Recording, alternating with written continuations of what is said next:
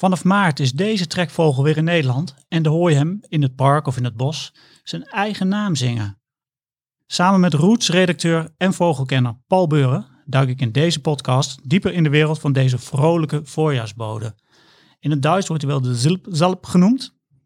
In het Engels chif als ik het goed uitspreek. En in het Nederlands noemen we hem gewoon heel mooi chif Paul, in maart kunnen we de chif de zilpzalp of de chif weer horen. Ja, hoe zit dat? Sterker nog, de eerste zijn gisteren alweer zingend gehoord. Uh, het is een vogel die ja, eigenlijk over het algemeen in Zuid-Europa uh, overwintert. In uh, Spanje, Portugal, ook in Noord-Afrika, Marokko zitten er veel in de winter. Maar zodra het weer wat meer zuidenwind wordt, nou, daar hebben we de laatste tijd best wel veel van meegekregen. Dan, uh, dan brengt die wind ze letterlijk weer terug in Nederland. En het is een van de eerste zangvogels die weer zingt. En uh, met zijn heel kenmerkende zang, waardoor die ook zo genoemd is. De zilpzalp. Het zilpzalp. Maar in het Duits uh, klinkt hij toch precies hetzelfde als in Nederland? Ja, maar ja, daar spreken ze een iets andere taal. Dus vandaar. Dat schijnt zo te zijn, ja. Nou, we gaan naar buiten. We leggen onze verrekijker weg en we gaan luisteren naar de tjif-tjaf.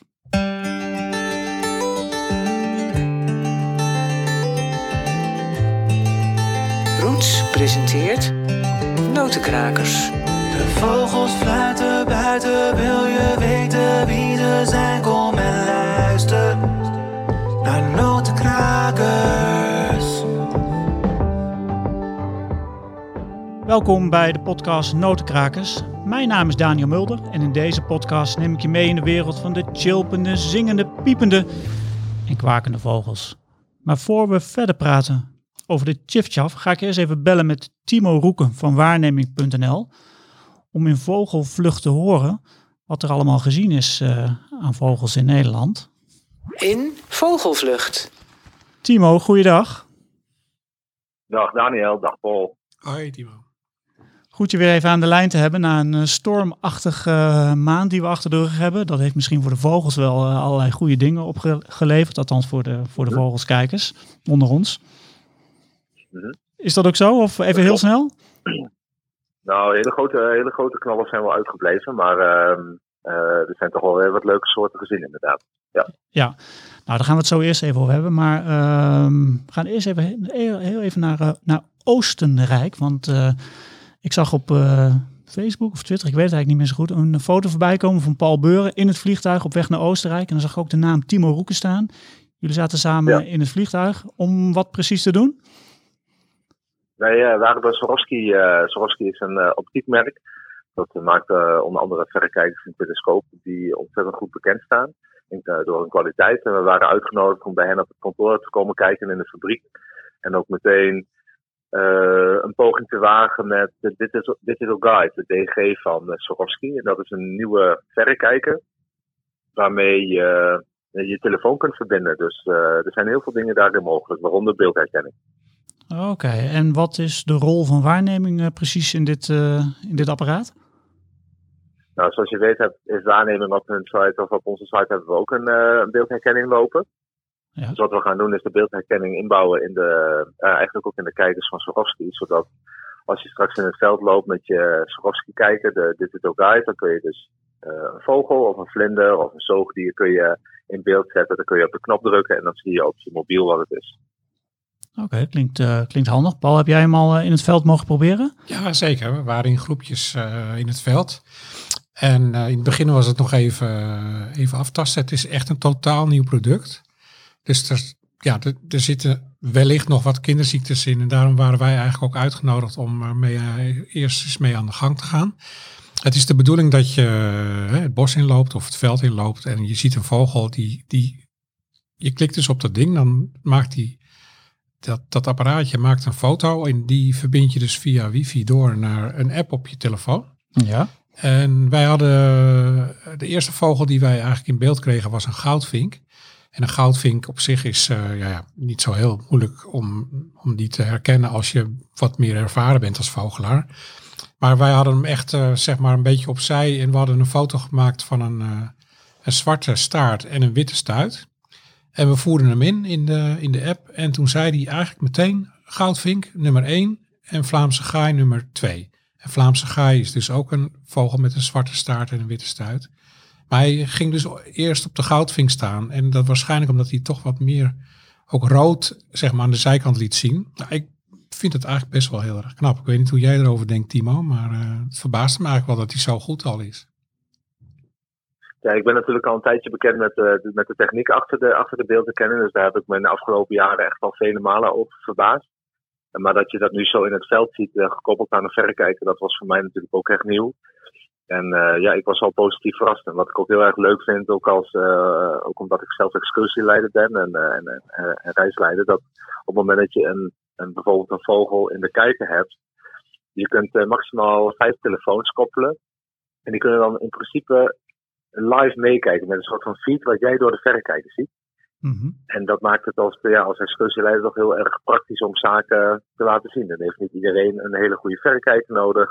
Het, het, biedt gewoon wat meer mogelijkheden. Uiteindelijk verwacht ik wel dat mensen natuurlijk altijd zelf de vogel willen zien. Maar het geeft wel een, je kunt bijvoorbeeld ook de vogel exact aanwijzen. Dat is ook nog wel eens een, een kunst. Bijvoorbeeld ja, het derde bergje van, van, van links. En er zijn altijd mensen die vragen, ja, wat is nou een berg? Dus het maakt het allemaal wel wat mogelijker om precies uh, te laten zien waar die, vogel, waar, waar die vogel eigenlijk zit.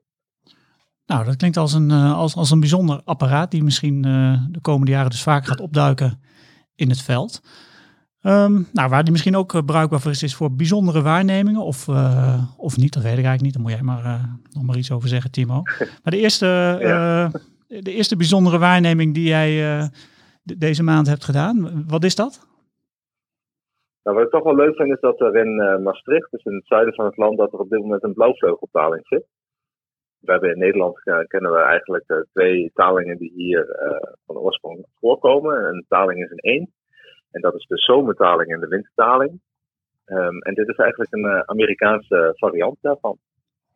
En is die in Nederland beland door waar ik het net al over had? Door de, door de storm en door, en door, door de wind? Of hoe is die beland? zou kunnen. Het zou, ja, het zou kunnen dat hij door storm hierheen is gekomen. Het kan ook zijn dat hij misschien al ergens in de buurt zat, bijvoorbeeld in Groot-Brittannië. En dat hij daardoor weer een stukje verder is uh, gegaan. Uh, de vogel, bij één is het altijd wat spannend. Dus je moet goed kijken of een vogel geen kwekersring om heeft. Want dan is die gewoon bij iemand uit de tuin ontsnapt. Want ene worden heel veel gehouden. deze vogel lijkt ongeringd. Ook het verenkleed lijkt mooi onbeschadigd. Want wat wat houders ook wel eens doen is bijvoorbeeld bepaalde uh, pinnen, uh, handpennen zouden afknippen zodat de vogels niet weg kunnen vliegen of dat ze beschadigd zijn. Dat is ook allemaal ook niet het geval. Dus het, het lijkt erop dat het een, een wilde vogel is. Ja, een, een blauwvleugeltaling. Dat, uh, heeft hij nog ja. blauwe vleugels zoals zijn naam suggereert? Of? Nou, dat zie je eigenlijk niet als hij gewoon op het water dobbert. Maar op het moment dat hij dan opvliegt, dan zie je inderdaad een ontzettend mooie blauwe gloed over, de, over de vleugels. En, uh, en ook een ander goed kenmerk van de soort is dat hij een hele grote witte streep eigenlijk heeft tussen zijn snavel en zijn oog. Oké, okay, Paul, is het een vogel om uh, voor je bed uit te gaan? Ja, zeker als je hem nog niet hebt in Nederland. Dan is dat een hele leuke soort. Hij, ja, ik denk dat hij gemiddeld eens in de twee, drie jaar wel opduikt in Nederland. Heeft er ook toevallig van het najaar eentje op Tesla gezeten, maar dat was een vrouwtje. En dit is een mannetje. En het mannetje is natuurlijk uh, heel mooi om te zien. Dus ik zou er zeker voor gaan rijden, ja. Hij zit nu, uh, Timo, hij zit in Limburg, vertel je. Ja, dat klopt. Ja, in de buurt van Maastricht. Ja, dus dat is een, uh, voor de mensen in Groningen een eindje rijden. Uh, ja. Gaat hij ook nog bewegen of blijft hij gewoon daar, lekker daar zitten? Of is er ook nog kans dat hij gewoon een beetje door Nederland gaat zwerven? Ja, als ik daar, als ik daar het antwoord op wist, dan was ik nu een rijk man geweest, denk ik. Maar ja, het, het, het, is om het even. Het kan zijn dat hij, uh, dat hij nog blijft zitten. Maar op het moment dat het weer weer slechter wordt, kan het ook weer zijn dat hij dan weer verder gaat of juist blijft zitten. Dus dat blijft altijd koffiedik kijken. En dat, dat is ook wel het mooie eigenlijk van vogels kijken. Ja, maar jij kijkt misschien ook in de landen om je heen. Zijn ze daar ook gezien? Of is, het, is er echt eentje die bij Maastricht zit en is het verder gewoon uh, uh, nergens anders in Europa? Nou, wat, je vaak ziet, wat, wat we vaak zien is dat er altijd wel een paar ergens in, op het Europese continent zitten. Um, maar het is niet zo dat er nu een influx vanuit Amerika is vanuit uh, uh, van blauwvleugeltalingen.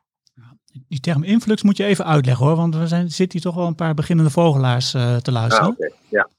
ja, een influx is een, bijvoorbeeld als je opeens, we, wij, kennen in Nederland algemene soorten, maar we kennen ook zeldzame soorten. En soms is het zo dat er van één specifieke soort, die dan zeldzaam is, dat er dan heel veel individuen worden gemeld. Dat noemen we een influx. Dat betekent dat er ergens iets in de wereld aan de hand is. Dat kan een bepaalde weersomstandigheden zijn, dat kan ook een voedseltekort zijn, waardoor een zeldzame soort die hier eigenlijk niet thuis wordt zich verplaatst en uiteindelijk in Nederland terechtkomt met een groter aantal vogels dan je dan gewend bent. Oké, en dat noem je dus influx. Nou, dat, eh, dat ga ik proberen te onthouden. Invasie is een eh, goed Nederlands woord. Of invasie. Invasie. Oké, nou voor de beginnende vogelaar, je mag ook gewoon invasie zeggen. Eh, Timo, wat je, wat je ook altijd doet is naast een, een bijzondere waarneming, wat dus de blauwvleugeltaling is, kijk je ook altijd nog even naar een andere soort die jou zelf is opgevallen. Wat is dat deze keer?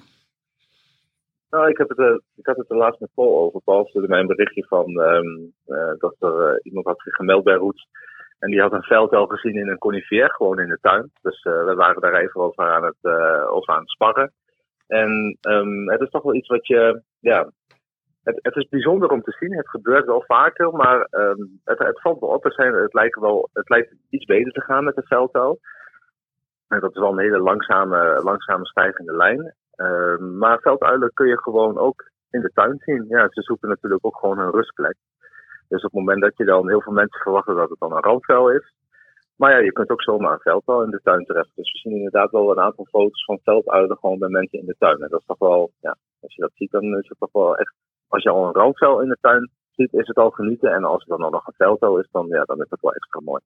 Oké, Paul, want jij had dus, eh, eh, lezers hebben jou daarover gemaild, gebeld. Ja, ik doe natuurlijk de rubriek Wat een vraag in uh, Roots, waar mensen met al hun vragen terecht kunnen komen. Uh, van, van insecten tot vlinders tot uiteraard vogels. De meeste vragen die we binnenkrijgen zijn van vogels. En ik kreeg vorige week opeens een, een, berichtje over een veldtuil in een tuin bij een mevrouw. En die, die vroeg of dat normaal was. En het is dus zo dat die veldtuil is zo zeldzaam dat die eigenlijk op alle sites zeg maar ja, dan wordt zeg maar de plek geheim gehouden waar die exact zit, omdat er anders veel te veel fotografen op afgekomen. Dus dat doen ze bij waarneming.nl ook. Dus ik had gewoon eens aan Timo gevraagd van, goh, hoe zit dat nou eigenlijk? Uh, wordt dat wel eens vaker gemeld? Want een vriend van mij die woont toevallig in Utrecht. Veel koken, ook een uh, vogelfotograaf. En daar zat een uh, tussen de randzuilen, ook al een paar maanden geleden. Dus die had me daar ook al eens voor getipt. Zo van, goh, wel heel bijzonder. Je had een foto opgestuurd. Dus ik, uh, ik vroeg me af of dat nou echt wel vaker voorkomt. Maar, en of het met de harde wind ja. te maken heeft bijvoorbeeld. Hè, dat het dan stormt, dat zo'n veldtuil dan toch uh, in een boom gaat zitten. Maar het blijkt dus dat, uh, dat er wel geregeld dat soort waarnemingen binnenkomen. Dus wellicht een nieuwe trend. Maar dat is niet echt iets wat, in, wat in, februari veel is gebeurd. Wat, wat jij net zegt, door de harde wind, dat ze daardoor misschien dit gedrag gaan vertonen? Nee, het is dus al uh, is dus wel vaker zo dat een veldhuil gewoon tussen randzuilen of in een boom gaat zitten. Blijkbaar is dat toch dan veiliger voor zo'n vogel, denk ik. Maar ja, ja. Zeker, zeker weten doe ik het ja. uh, ook. En, en, en, en, het verschil tussen randzuil en veldhuil is voor sommige mensen ook nog wel eens lastig. Ja. En ze zijn nog ongeveer, ze zijn nog even groot. En wat wel goed is om te weten is dat um, de veldtels hebben allebei van die, van die oortjes die ze dan uh, rechtop kunnen zetten. Het zijn niet echte oren, maar het zijn een soort van veren die ze dan recht op hun kop kunnen zetten. Uh, en bij de veldtels zijn ze zeg maar de helft korter dan die van de randzuil. En wat ook nog wel een aardig kenmerk is als je hem goed in de kijk, als je de elk goed in de kijken hebt. Een veldtuil heeft, echt felle gele ogen en een randzuil heeft echt felle oranje ogen. Dus dat is wel een goed, goed kenmerk om in de gaten te houden, mocht je hem in de tuin hebben. Ja. Ja, dus blijven opletten, want die weten maar nooit. En, en zitten ze ook uh, allebei rond de schemering actief dan of zo? Bedoel, je kunt ze, of moet ik de s'nachts mijn bed uit om... Uh, ja, een randzuil wordt uh, inderdaad in de schemer actief. Een veldhuil in principe jaagt ook overdag. Is zelfs een dagjager, maar toch ook vooral ja. vaker in de, ja, de voorschemer dat ze voor het eerst uitvliegen. En een randzuil is echt wel een nachtjager, zeg maar. Ja, maar, maar er zijn dus al geluksvogels die uh, twee uilen naast elkaar hebben zien zitten. Eentje met gele ogen, één met oranje ogen. En die kijk je dan aan. Ja, ja zeker wel. Ah, fas ja. Fascinerend. Um, nou, dankjewel. Mooie, mooie waarnemingen zijn dit. En uh, we hebben nog één, uh, nog één soort openstaan waar deze podcast over gaat. de Chif Heb je daar al wat waarnemingen van binnen gekregen? Ja, zeker. En wat, uh, vanuit vroeger was het natuurlijk zo dat op het moment dat die chipsjaf uh, rondom maat uh, weer in Nederland kwam, dan kreeg je echt dat, dat, echt dat lentegevoel, kreeg je dan, dat voorjaarsgevoel. En dat, is natuurlijk nog steeds zo, zeker op het moment dat ze beginnen te zingen. Maar je merkt ook door de veranderende weersomstandigheden dat die chipsjaf eigenlijk het hele jaar ja, nog wel op, op, op plekken wordt gezien. Natuurlijk niet zoveel als eh, eh, in de zomer. Het is toch een van de meest algemene vogels die we hebben in Nederland. Eh, maar op het moment dat over een paar eh, weken, of misschien volgende week al, dat die tjifjaf eh, weer begint te zingen en te roepen. Ja, dat is toch voor mij, ik weet niet hoe dat op Pool zit, maar dat is voor mij altijd toch wel een, een, een bijzonder moment. Net, als, net zoals je eerste zwaluw van het jaar. Klopt, geldt voor mij ook. Ik ga ook vaak een rondje fietsen als ik denk van nou, het is nou al een tijdje echt flink zuidenwind, wat warmer. Dan ga ik het wel proberen in de buurt, ja. En ik kijk natuurlijk altijd eerst op waarneming.nl. Want vaak zijn ze in het zuiden dan al wat eerder, hè? in eh, Brabant en Limburg aan het zingen. Dan, Ja, dan, ik woon in het noorden, dus dan moet ik altijd nog wel even een dag of twee wachten. Maar eh, dat maakt de kans gewoon groter. En eh, het is elke keer weer een kick om de eerste te horen zingen. Maar ik kijk nu naar buiten en ik zie eh, een grijze lucht. Ik zie heel veel regen. Dat zie ik al dagenlang trouwens. En jullie waarschijnlijk ook. Ehm, Die Tjifjaf, die, eh, die zit denk ik nog lekker in het zuiden, toch? Of, of komt die echt al, is die onderweg nu? Ja, die is, echt, die is echt onderweg. Het kan wel zo zijn dat op het moment dat, eh, dat de weersomstandigheden ook bij onze zuidenburen wat slechter zijn, ja, dan eh, regen is gewoon geen, voor veel vogels geen ideaal, niet ideale omstandigheden om verder, om lange afstanden te trekken. Dus op het moment dat het dan weer droger wordt, dan zullen ze weer, ja, dan krijg je ook een soort van front van vogels die dan allemaal massaal weer richting, eh, richting het noorden gaan. Maar ze zijn zeker onderweg en dus, eh, er zullen ongetwijfeld, eh, eh, of er zijn ongetwijfeld ook alweer vogels gemeld die aan het zingen zijn. Mhm. Uh, dus het, is, uh, het zijn dan vaak de eerste mannetjes, zoals met heel veel soorten zijn het de eerste mannetjes allemaal die terugkomen.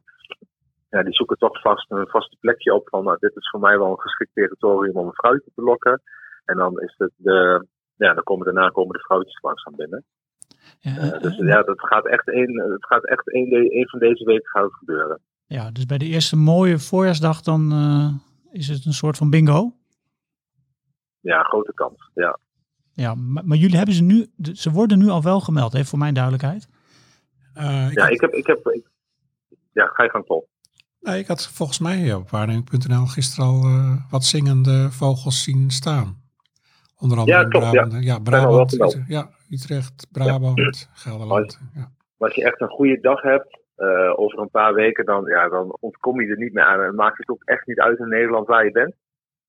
Eh, dan hoor je ze eigenlijk overal. Nou, Timo, ook houd weerbericht eh, ga ik in de gaten houden om, eh, om te kijken wanneer eindelijk die zon eens eh, tevoorschijn komt om, eh, om een rondje te gaan fietsen en uh, Chifchafs eh, te luisteren. Dankjewel voor je, voor je uitleg. Graag gedaan. En tot de volgende keer. Ja, tot de volgende keer. Dag Timo. Hoi. Ja, je hoorde net Timo Roeken van waarneming.nl. Hij werkt daar als eh, projectleider en iedere maand eh, schuift hij in, eh, in deze podcast telefonisch even aan om wat, eh, om wat uit te leggen over bijzondere soorten die, die zijn gemeld. Soorten die hij zelf opvallend vindt. En eh, deze keer eh, om nog wat te vertellen of de, over de Chifchaf, of die al gehoord was. En eh, nou, we horen dat hij al een klein beetje gehoord is, maar nog even moeten wachten op het mooie weer. De mooie vogelgeluiden die je hoort in noodkrakers komen van de app Bird Sounds Europe. Henk Meeuwse, die ook voor ons Vogelmagazine schrijft over vogelgeluiden, heeft veel van deze geluiden voor de app opgenomen. Achter die geluidopnames van Henk schuilen mooie verhalen. Daarom heb ik met Henk afgesproken op de Veluwe om te luisteren naar het verhaal achter het geluid van de Chifchaf.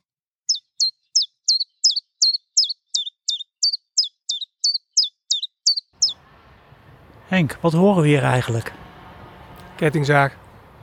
Ja, dat, dat is de praktijk. Hè. Als je buiten wilt eh, praten over vogels, ik weet er alles van, dan eh, hoor je vaak geluiden die eh, even niet, uitpassen, niet uitkomen. Maar ehm, de lentebode was dit. De, de lentebode, voor mij. En ik denk voor heel veel mensen. de, de vink die we al behandeld hebben, dat is nog februari. Dat, dan, dan hoor je wel een vink zingen, maar dan eigenlijk is het nog winter. Maar begin maart, in mijn geval de vroegste, want dat hou je een beetje bij. We zullen veel vogelaars wel herkennen. De vroegste chifchaf die ik ooit hoorde was op 4 maart. In 2007 weet ik toevallig ook nog. En eh, dus, dus vanaf mm, echt begin maart opletten eh, naar buiten. Want soms, soms voel je dat al aankomen. Dan voel je aan het weer. eh, De, de, wind zakt weg, er komt wat zon. De eerste keer wordt het echt wel lekker boven de 10 graden. Dan kun je eigenlijk naar buiten gaan en denken: "Ah, als ik nou een stukje fiets, dan eh, ga ik de eerste chifchaf horen. En afhankelijk van hoe goed je gevoel is, kom je of een beetje teleurgesteld thuis. Of eh, nou, heb je genoten van de eerste zingende chifchaf. Is dat een beetje een stinsenplantvogel? Stinsenplanten hebben ook een beetje dat gevoel. Is dat ook met die Chifchaf voor jou? Ja, ik heb niet zoveel met de planten, maar het begrip stinsplanten ken ik wel. Ehm, ja, kijk, het grappige van... Kijk, andere soorten die beginnen te zingen, die zitten hier gewoon. Die hoeven niet terug te komen. Ja, bij een zanglijster kun je nog denken, oké, die, eh, die komt misschien uit Frankrijk. Maar die Chif-Chaf, ja, daar blijven er ook wel een paar van hangen. Maar van heb ik echt wel het gevoel, die komt van wat verder. Die komt hier naartoe en zodra die hier is, gaat hij lekker, eh, lekker zitten zingen. En de Chif-Chaf, eh, ik heb natuurlijk een klein beetje ingelezen, die, die schijnt zijn eigen naam te roepen. Dat je dat überhaupt zo noemt, die schijnt zijn eigen naam te noemen. Voor mij is het gewoon overduidelijk. Het is, het is echt... Alleen wat de verwarring kan zijn, eh, is dat uh, Chif-Chaf klinkt alsof hij Chif-Chaf, Chif-Chaf, Chif-Chaf zingt. Zoals een uh, koolmees, wat ik later pas hoorde, in Brabants bieteut werd genoemd. Titu, titu, titu. En die koolmees is heel regelmatig titu, titu, titu. Maar die Chif-Chaf, die kan gerust zes chifjes laten volgen op drie chafjes en dan een paar keer chif-chaf. Dus de, hè, dan kan chif, chif, chif, chaf, chaf, chif, chaf, chaf, chif, chif, chaf, chaf. En dan wordt het misschien moeilijker. Iemand die zich, kijk, ze hadden hem ook, nee, je had hem niet chif, chif, chif, chaf, chaf kunnen noemen. En dan was jij misschien geholpen geweest. Maar dan zingt er weer eentje chaf, chaf. Nou ja, wat een beetje flauw. Het is niet zo ritmisch. Hij kan een aantal chiffen en chaffen gewoon willekeurig een beetje door elkaar heen gooien. En voor de goede luisteraar blijkt hij ook nog een, een extra toon te hebben. Hij is eigenlijk drietonig. En dat kun je in het fragment wat je net gehoord hebt. Moet je maar eens goed luisteren. Daar zit uh, na een stuk of acht chifjes en chafjes zitten er een paar, hoe zou ik het noemen, chufjes. Echt andere toon. Luister maar eens.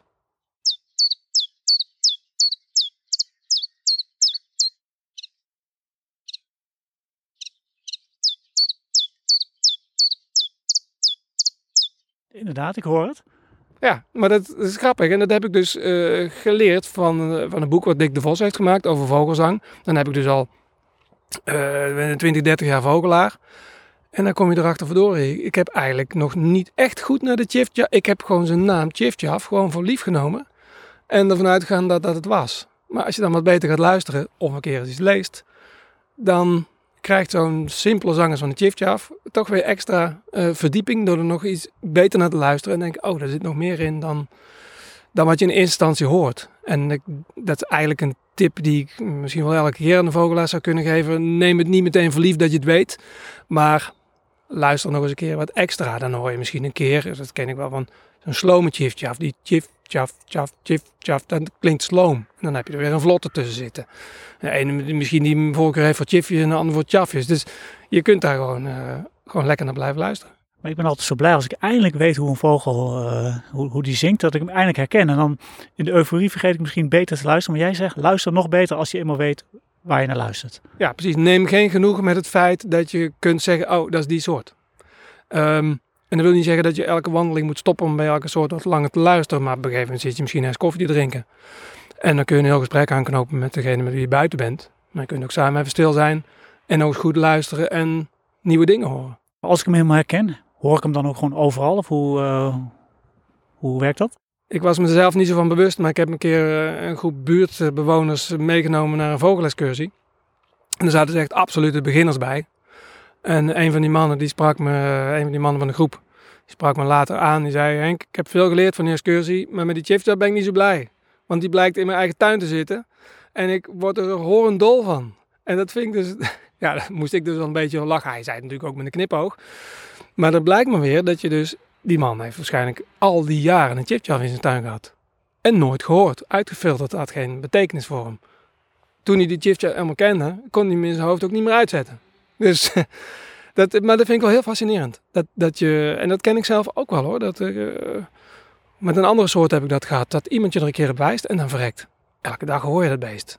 Dus dat is het, het, het leuke dat je wat je niet kent, dat filter je uit. Op het moment dat je het kent, krijgt het betekenis. En dan, uh, dan heb je er weer een soort bij. Dus vanaf maart is er een soort chif alarm voor degene die hem herkent. Want uh, helemaal in je hoofd gaat hij er niet meer uit. Ja, vanaf, zeg maar, nou ja, vanaf 5 maart. Dan ehm, voor degenen die er echt niet tegen kunnen, die moeten dan maar. Nou, dan moet je heel ver weg. Want ze zitten over heel Europa. Oké, okay, nou, wie geen Chipjas wil horen, moet dus even een zonvakantie boeken ver buiten Europa. En voor wie hem wel wil horen, nog eventjes één keer de Chipjaf met misschien op de achtergrond een, een kettingzaag.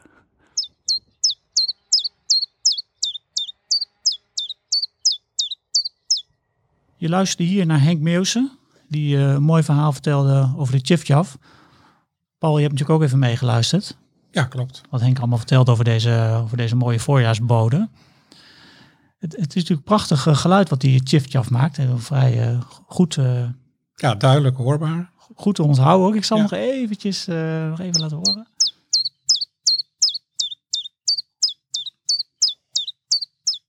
Ja, dit, dit geluid zorgt dus voor, eh, voor vrolijke lentegevoelens. Maar ik zat net even naar die chifchaf te kijken. Het is niet echt een vogel waarvan je zegt van uh, verrekijken erbij en uh, urenlang turen. Nee, het is geen, eh, geen knaller met een eh, rode of blauwe borst of geel gestreepte staart eh, vieren. Nee, het is eigenlijk maar een heel klein onopvallend bruin, bruin vogeltje met iets wat groen op de rug en soms wat op de rest van het lichaam. Maar over het algemeen, ja, eigenlijk bruin. Bruin-geel en eh, ja, zelfs wat lichtgrijs met ook nog eens donkere pootjes. Eh, vogeltje met korte vleugels en eh, ja, hij moet het vooral van zijn zang hebben. En dat klinkt als een klok, vind ik altijd. Ja, het, kli- het klinkt zeker goed, maar het is inderdaad een beetje een, een bruinig, verbruinig, Bruinig vogeltje. bruinig, Ja, niet, niet zo kleurig beestje. Dat hij dan toch nog zo mooi zingt is verbazingwekkend. Maar ja, wat ook wel grappig is, is dat, eh, dat het, een, het is een van de algemeenste broedvogels in Nederland. Het is een half miljoen broedpaar en het in, nog steeds in stijgende lijn. En misschien wel omdat hij zo onopvallend is, want eh, ja, dan kan hij natuurlijk ook minder snel gepakt worden door een sperwer of een, eh, of een torenvalk. Dus nou ja, elk nadeel heeft in dit zijn voordeel. Ja, jij, ga- jij gaat nu gewoon Kruif citeren, hè? Ja. ja, maar even, je hebt je natuurlijk ook een beetje verdiept in de, in de Chif-Chaf. Het- Je zegt het al, het is de meest, of een van de meest algemene broedvogels in Nederland. Dat, dat eh, podium deelt hij dan, neem ik aan, met de huismus en de merel en dat soort soorten? Of, Ja, nou, het is een vogel die eigenlijk gewoon in, in een biotoop voorkomt. Wat, ja, wat je veel hebt in, eh, in Nederland. Overigens trouwens ook heel Europa. De, de komt er bijna in heel Europa voor. En eh, het is, een, het is gewoon een bosvogel die eh, ja, leeft eh, in bomen. Over het algemeen zit hij wat hoger in de bomen dan, dan de vitis, die over een week of drie eh, terugkomt. Dat is een beetje de, de tegenhanger van de chieftail paashangvogel. En eh, ja, hij broedt bijna op de grond in de ondergroei. Dus een, eh, een, een ja, bomen, een bosrijke omgeving met veel struikgewas. Dat is eigenlijk het, het goede biotoop voor zo'n chiftjaf. En ja, dat heb je natuurlijk overal. En hij eet ook nog eens gewoon eh, normale insecten en af en toe in het najaar ook wat meer vruchtjes. Dus het is ook niet echt bijzonder. Dus vandaar dat ze het gewoon ja, relatief goed doen in, eh, in Nederland en Europa. Het is geen eh, bedreigde vogel of zo. nee, het is, het is een beetje een allrounder die eigenlijk overal wel uit de voeten kan Ja, in het landschap. Ja, ja. Wat je net zei, hij eet insecten, wat, wat, wat, wat besjes hier en daar. Ja, klopt. In het, ja, zoals nu eten ze dan vooral kleine insecten. En wat meer in het najaar dan schakelen ze ook over op bijvoorbeeld bosbesvlier. eh, eh, en eh, ook wat meer zaadjes bijvoorbeeld van, eh, van, van berk. En wat wel grappig is, is dat als je zo'n chiftjaf ziet, dan is er één ding die, dat heel erg opvalt. Het is een vrij onrustig vogeltje. En als die, die insecten vangt, dan doet hij dat ook wel in de vlucht. Dus dat hij achter zo'n insectje aanvliegt. En wat grappig is dat hij heel regelmatig met zijn staart een beetje wipt. Dat is dan wel weer een verschil met die, eh, met die fitis, die toch wel een klein beetje op hem lijkt. En eh, ja, daarom kan je hem eh, herkennen. Maar, maar met, met de staart wippen als hij op de grond zit, neem ik aan. Of nee, als hij gewoon in het bosje zit en gewoon, gewoon normaal zit, zeg maar, dan, dan bewe- beweegt hij steeds met zijn staart. Je hebt ook kwikstaartjes hè, die dat doen. Ja, daarom heten ze zo. Maar een chiefchaff doet dat ook met zijn staart. En dat is een, een heel goed, goed kenmerk. Ja, en ze zitten dus overal in Nederland. Van Waddeneiland tot Maastricht, van eh, Ja, in Amsterdam principe tot aan heel eh, Nederland, eh Waddeneilanden, overal waar bomen en struiken staan. Wat ook wel bijzonder is, is dat hij dus in heel Europa eigenlijk voorkomt. Maar wel dan weer in verschillende soorten. Ik ga er niet te diep over in, maar je hebt bijvoorbeeld in Scandinavië een aparte uh, soort.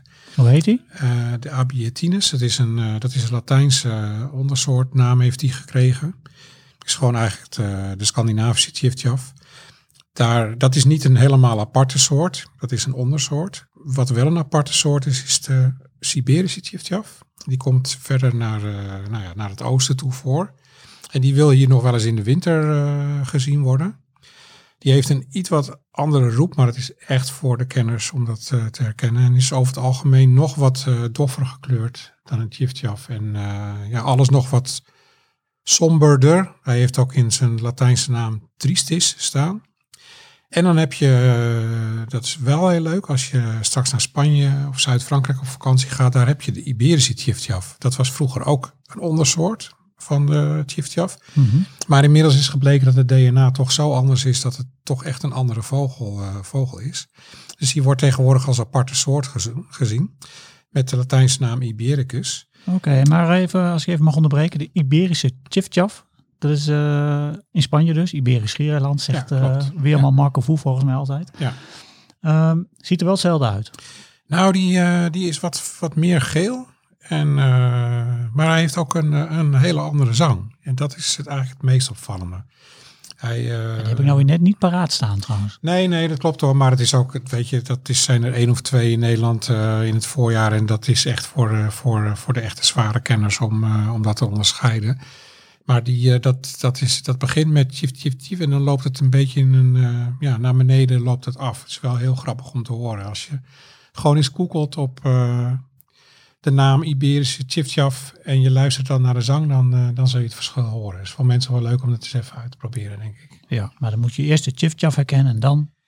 Ja, we hebben het nu over de Tjiftjaf. En eh, wat ik maar gewoon wil zeggen is dat ze in heel Europa voorkomen. Eh, alleen in, in die regio's zijn het weer iets wat andere soorten. Ja, heb, heb je verder nog een mooi weetje over de Tjiftjaf of was dit hem?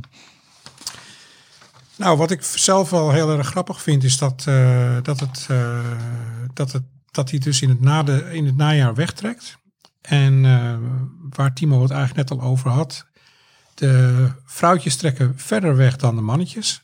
En dat heeft ook gewoon een reden dat die mannetjes eigenlijk als eerste proberen terug te komen nu in het voorjaar. Om een territorium weer te bezetten. En dat is gewoon een tactiek die ze hanteren. En, maar vind ik wel echt super slim dat, zo'n, dat het zo werkt bij die vogels. Dat zo'n mannetje gewoon hier eh, als eerste dan weer terugkomt en gaat zingen om eh, plek te maken voor het vrouwtje. Ja, het blijven verbazingwekkende, verbazingwekkende dieren. Maar wegtrekken, dan heb je neem ik aan dat ze weer richting eh, het zuiden gaan. Ja, klopt. Ja. Ja, en steken ze ook nog de, de zee over naar Afrika of dat niet? En blijven ze echt in Europa? Nee, een deel van eh, de chiftjafjes vliegt gewoon door naar Noord-Afrika. Dat is dan ook echt het zuidelijkste stuk waar ze naartoe trekken. En dan zitten ze vooral in Marokko. Dus Noord-Afrika. Maar het merendeel zit gewoon in Spanje en eh, Portugal.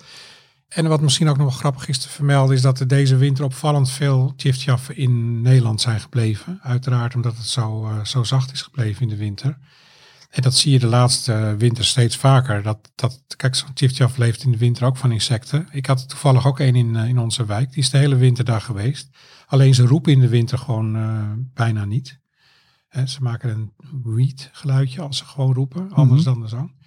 Dus af en toe dan, eh, dan zodra het wat warmer gaat worden, dan, dan hoor je ze weer. Maar in de winter houden ze zich eigenlijk gewoon helemaal stil. En dan, ja, dan moet je net, moet net je oog erop vallen. Maar ik had er toevallig twee keer één in de tuin. Mooi verhaal, Paul. Wil je nou meer weten over vogels? Roots brengt twee keer per jaar ook een vogelmagazine uit. En eh, het nieuwe vogelmagazine die verschijnt, Paul, even helpen? Op 20 maart, vanaf 20 maart ligt hij weer in de winkel. We hebben het nummer net donderdag naar de drukker gestuurd. Het is, eh, ja, als zeg ik het zelf, echt een heel mooi nummer geworden.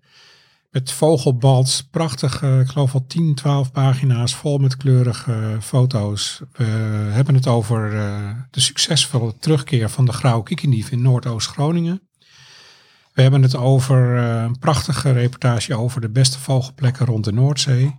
Ja, dat soort dingen. Hartstikke leuk nummer. Dus eh ren naar de winkel vanaf 20 maart. Na de winkel rennen vanaf 20 maart. Ja, het vogelmagazine, je krijgt hem trouwens ook bij een jaarabonnement eh Roots. Dan eh, krijg je Roots en ook nog twee keer het vogelmagazine. Maar zoals Paul al zei, hij is ook gewoon eh, los in de winkel te koop. En je kunt hem trouwens ook los bestellen via de website. En dat is rootsmagazine.nl. In deze rubriek stellen luisteraars vragen over vogels. Wat een vraag! Ja, bij Roots krijgen we allemaal lezersvragen binnen. Ook over vogels natuurlijk. En in eh, iedere podcast behandelen we één vogelvraag. En deze keer heb ik Paul een, eh, een vraag over eh, de wulp. Want de meeste vogels die hebben inderdaad een rechte snavel. Ja. Alleen de wulp die heeft zo'n hele rare gekromde... Of rare, Gekromde- dat, dat, is niet, snavel. dat is niet het goede woord. Heeft een gekromde snavel die naar, naar beneden buigt. Maar nu is natuurlijk de vraag, waarom? Ja, je hebt het bekende ezelsbruggetje. De wulp, bij de wulp wijst de snavel naar zijn gulp. En dan kan je de naam beter onthouden. Ja, die ga ik onthouden. Ja, ja, ja, dat is een beetje flauw, maar het is op zich wel handig. Als je het verschil tussen de kluut en de wulp wil uitleggen. Bij de kluut gaat hij omhoog en bij de wulp naar beneden.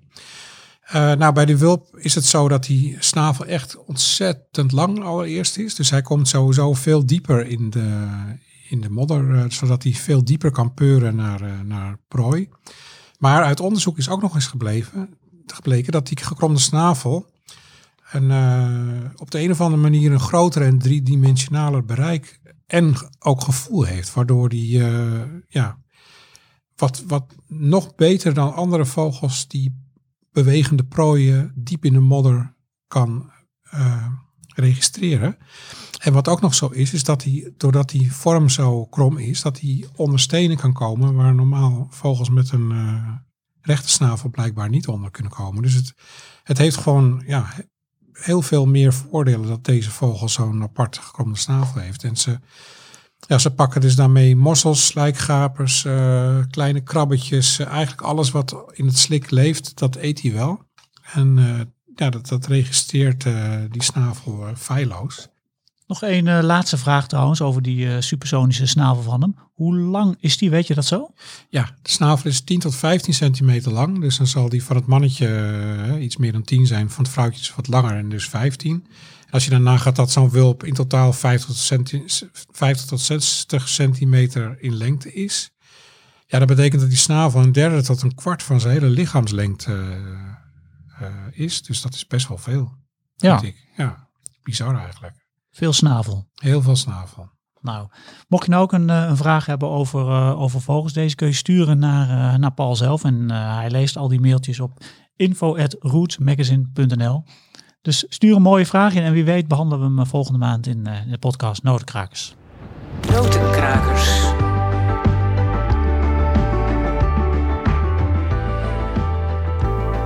Nou, leuk dat je luisterde naar onze podcast Notenkrakers. De geluiden die je hoorde, die komen van de app Bird Sounds Europe. We hebben ook een mooi vogelmagazine, daar hadden we het net al even over. Dat nummer ligt eh, deze maand in de winkel. Kun je losbestellen via rootsmagazine.nl. Je kunt hem ook gewoon kopen in de winkel. En je krijgt hem bij een, eh, bij een jaarabonnement op Roots. Die is ook weer te bestellen op rootsmagazine.nl. En we gaan natuurlijk eh, over een maandje een nieuwe podcast maken. Ja, Paul. Een nieuwe podcast. Jij dacht al naar buiten te kunnen kijken naar de regen, maar eh, we zijn nog niet klaar. Ja, ik ben op zoek naar de chiftchaff natuurlijk. We moeten nog even wachten op mooi weer. Maar eh, waar gaan we het volgende maand over hebben? Blauwborst. Oh, borst. Ja, de blauwborst. Dat is, een, eh, dat is wel echt een hele mooie vogel om te zien. Blauwe borst, witte plek in het midden als hij zingt. En rood op de staart als hij uitspreidt. Echt ontiegelijk mooi beestje. En hij zingt een beetje als een nachtegaal. Hij herhaalt veel eh, tonen. Eh, zingt ook in de vlucht. Dus dan zie je die mooie staart en eh, mooie rode kleur in de staart. En ja, eigenlijk vanaf begin april dat die terugkeert in Nederland. Dus dat is de volgende soort waar we naar uitkijken. Begin april. De blauwborst. Ik ga even het geluid laten horen.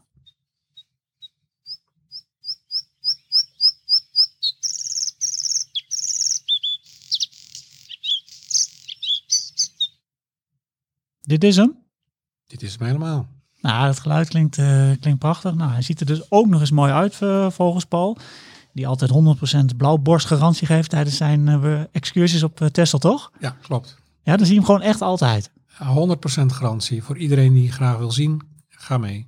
Hoe doe je dat? Hoe kun je nou 100% vogelgarantie geven? Ja, Timo dat- zegt altijd van, je weet het nooit, het is koffiedik kijken. Maar jij geeft gewoon hier 100% garantie. Dat geef ik en ik verklap mijn geheim niet. Nou, eh, wie het geheim wil weten, die moet maar een keer mee met Paul op, eh, op een van die mooie excursies eh, op Texel. Nou, leuk dat je luisterde naar Notenkrakers. En als toetje krijg je nog één keer het prachtige geluid van de Chif Chaf.